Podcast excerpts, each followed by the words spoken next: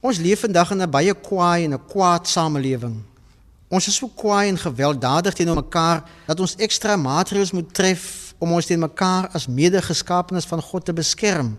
Is dit nie verskriklik dat mense hulle self teen ander mense moet beskerm nie? Dit lyk net asof mense vir mekaar 'n groter bedreiging inhou as die wilde diere in die veld. As ons nie mekaar fisies seermaak nie, dan doen ons dit sommer ook emosioneel deur die sosiale media en ander platforms. Sommige mense beledig mekaar, plaas video's op mekaar om mekaar in die verleentheid te stel en ons gebruik woordeskat wat nie in 'n beskaafde samelewing tuis hoort nie. Ons skryf briewe in die koerante om ons ongelukkigheid oor 'n saak te kenne te gee en sommer ook die ander een se standpunt af te maak en mekaar se menswaardigheid aan te tas. Die harde werklikheid is dat ons in 'n land woon vol ongekende misdaad en geweld en korrupsie en dat ons mekaar nog te dikwels as vyande sien. Dit was ook so in 'n tyd dat die Here God sy profeet Isegiel geroep het. Isegiel gee 'n oorsig van die toestand in Jerusalem. Hy sê dit het gelyk soos 'n bloedbad.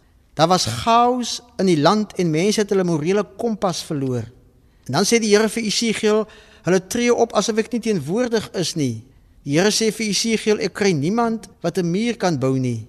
Ek kry ook niemand wat kan gaan staan in die plek waar die muur was nie. In Amos 9 kom die Here na die volk toe met die boodskap: Hou moed. Ek gaan dit wat gekraak is weer regmaak. Ek gaan die mirasies weer opbou.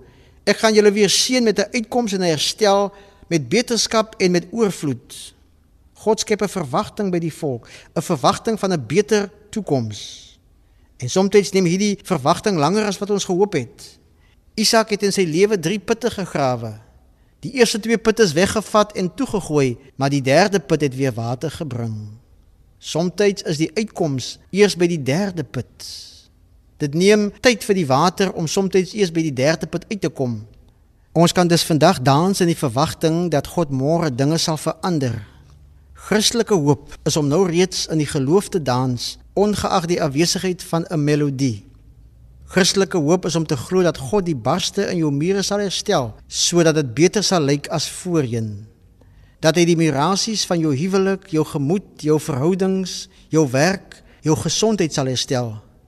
Daar kom 'n dag sê die Here dat dit beter sal gaan. Hy sal vir jou 'n uitkoms bring. Kyk net terug op jou lewe en sien hoe hy voorheen vir jou uitkoms gebring het. God help altyd. Amen.